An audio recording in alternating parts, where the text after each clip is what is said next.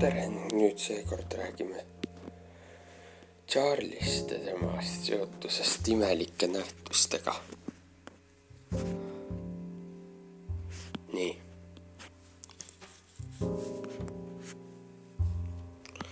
varsti pärast abiellumist ostsid vanem, Charlie vanemad vana maja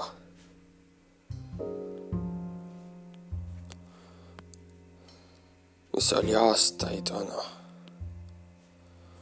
ja oli kunagi kuulunud, kunagi olnud ainus maja miilidest, lähedate miilide kaugusel ning ta peab.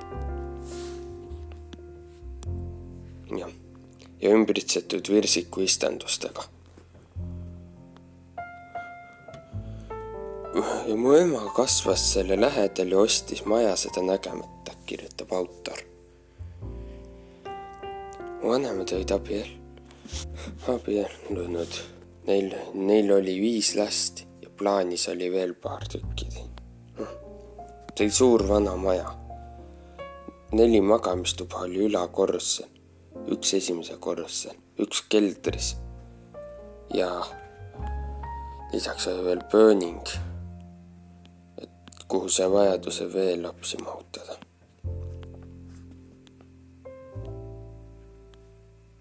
Poiste ruum oli väikene.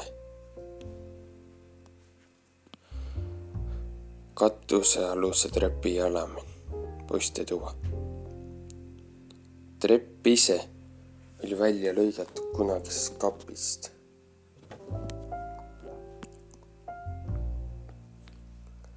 mingisuguse põhja siin millegipärast. tüdrukud lihtsalt ei oleks maganud tolles toas. Ega ei käinud see, ei ma käiks seal öösiti mängimas. toas ei olnud kappi. oli vaid riidepuu, millele vennad oma riided riputasid.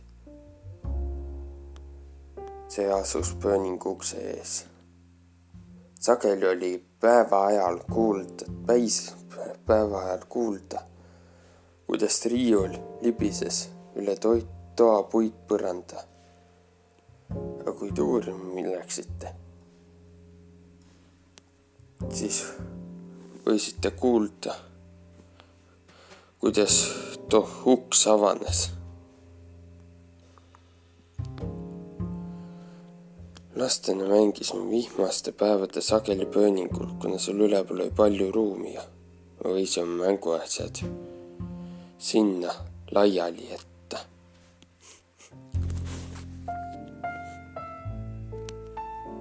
Kui me endiselt mängisime üleval ja päike paih hakkas loojama, siis võis sageli tunda, et meid jälgitakse, aga ma kunagi ei kartnud kõik kaheksa meist pidas seda lihtsalt jutumärkides pööningul olevaks meheks. mees pööningul ei olnud kunagi tegelikult, meest pööningul kunagi tegelikult arutatud, kes ta võiks olla. ta on lihtsalt osa majast ja ta ei julgenud kunagi poiste toast välja astuda peale ukse avamise jalumisest astmest, adumisest astmest alla vaatamise ta kunagi, ta ei sisenenud kunagi tuppa. kui me vanemaks saime ja pööningul mängimise lõpetades ning lõpetasime ning poisid kodust välja kolisid, ununes pööningul olev mees.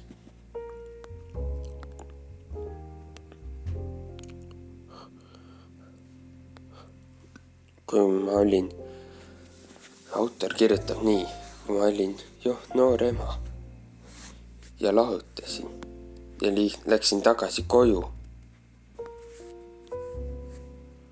siis ma kolisin koju, kuni sai king, sest sain kinga. mu noor tütar pandi poiste tuppa, kuna ta oli väike ja kapi puudumine ei olnud probleem. ma ei olnud teadlik sellest, mis oli juhtunud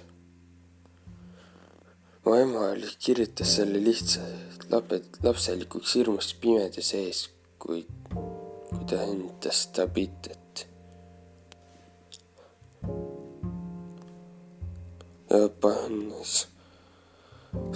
lugedes teda ja pannes öösel ukse ette nii kummuti kui hiigtooli. kuid hommikul ta võttis neid sealt taas ära. kui Tabita oli umbes nelja aast-, Tabita oli umbes nelja-aastane, kui, mm, kes MT-s Püha Helen valmistus suureks plahvatuseks. maja asub Portlandist, Oregonis vähem kui viiskümmend miili mäest lõunas oli meil ühel õhtul maavärin. siis oli meil ühel õhtul maavärin plahvatuse tõttu.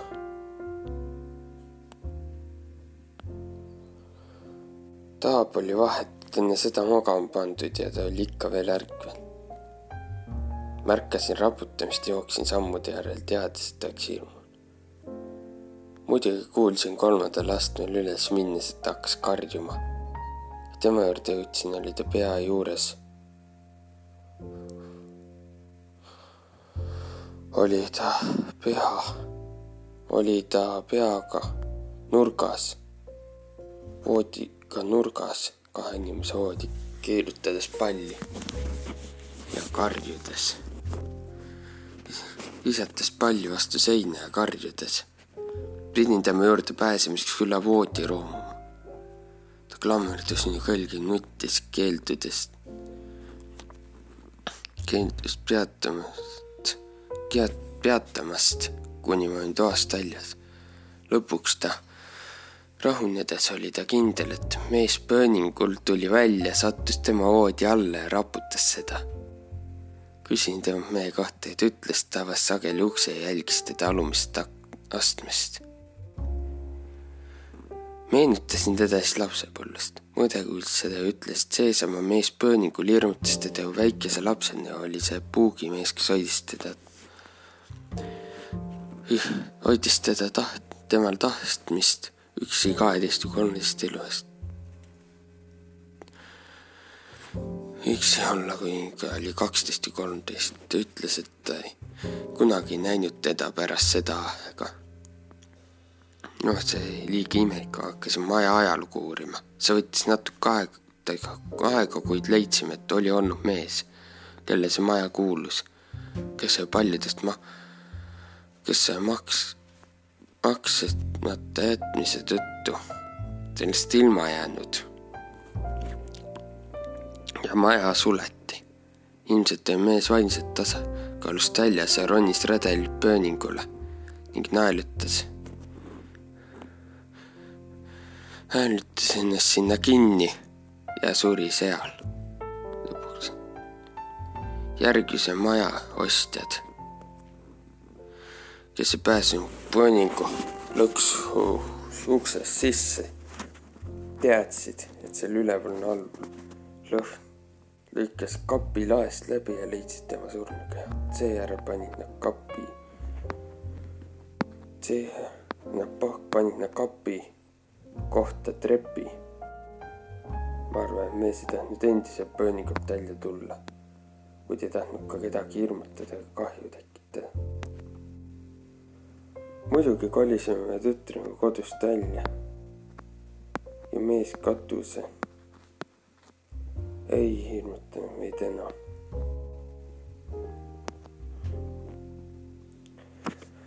meest treeningule mainitada. mitu aastat hiljem kinkisime Taabeli jõuludeks Boomboxi.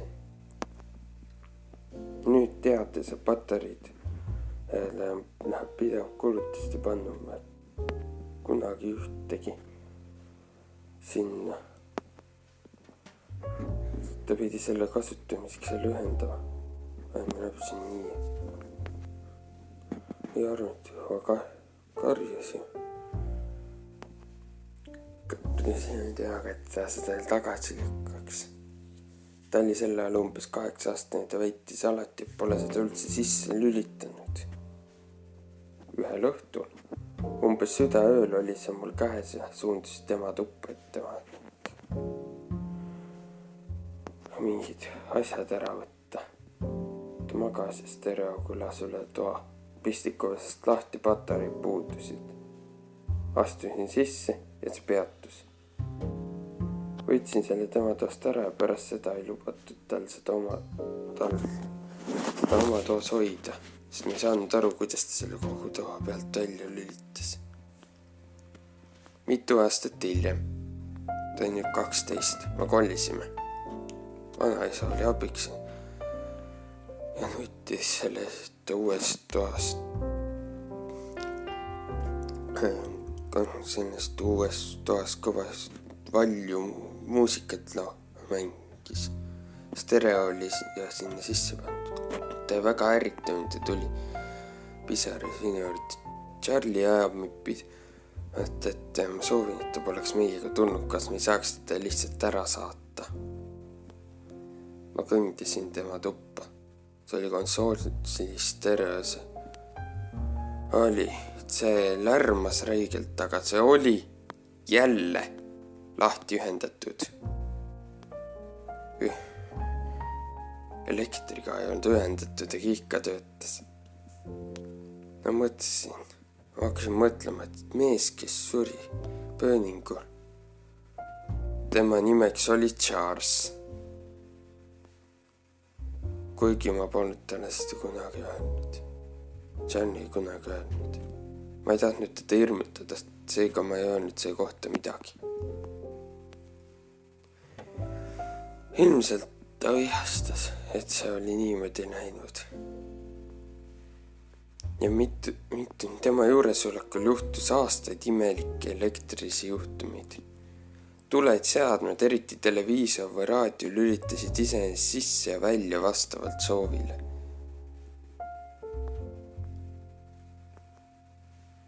kui ta abiellus välja kolis, hakkasid sellised juhtumid minu majas toimus, kuid tundusid talle järgnevat, kui ta mehe maha jättis ja koju naasis. algasid need asjad uuesti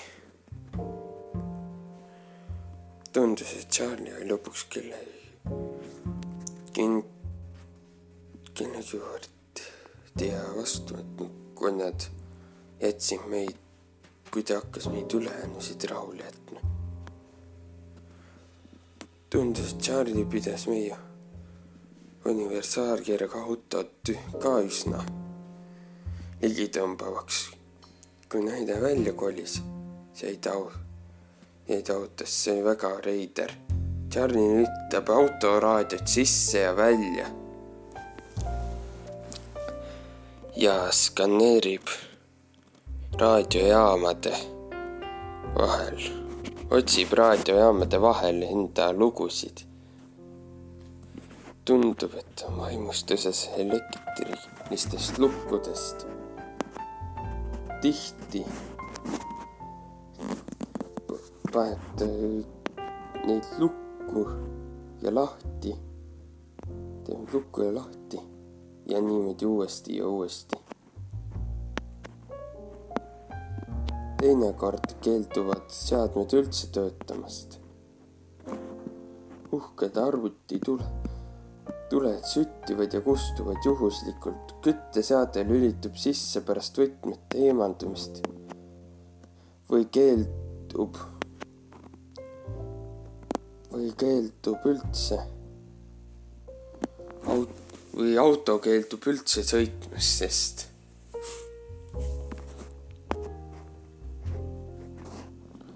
oleme juhtmestikku välja vahetanud ja lasknud see põh põhjalikult läbi uurida. seal ei ole midagi valesti, pole midagi muud kui Charlie. Ma ei tea, mis ta eda-, järgmiseks ette võtab. kui me müüsime, kui me auto müüme või kui ta jääb meie juurde. minu elus pole praegu ühtegi last, kuni ma saan lapselapsed. nii. ja võib-olla saan temast lahti enne, kui see juhtub ma ei tea. Kui ma mõtlen, et kui ta on endiselt lähedus, siis me peame lastest endiselt enne Charlie'st rääkima, kui ta neid hirmutama hakkab.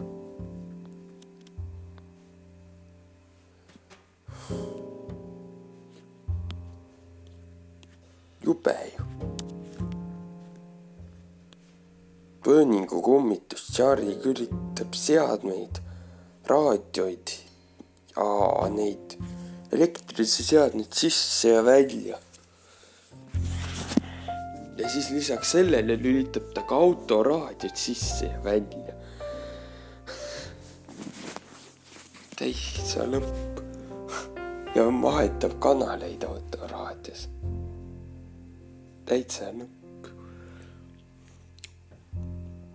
Eestisse pole ma ennem kuulnud, et mõni kummitas autoraadiot. nii oli sisse-välja lülitab ja kanaleid vahetab. ongi jah, tegemist tundub vahepeal lihtsalt mingi tüütu vaimuga, hingega, mitte mingisuguse kurja olendiga. mulle tundub, aga kuna ta seda näidanud ei ole, siis ei oska midagi öelda. polteristiga tegemist ei ole. teema või hing, pigem hing et hing vaim, mitte teema. jah, samas must mees viitab, viitab varjuolendile või mingi kurjale hingele. jah, mulle tundub, et tegemist on lihtsalt mingi hingega. mingi hingega, kes lüttub hästi sisse, samas on veits ebameeldiv olevus. et jah, aga siin ei ole midagi. et jah seekord lõpetan. ja väga hea. jälle siin uuel, järgmisel korral. tšau.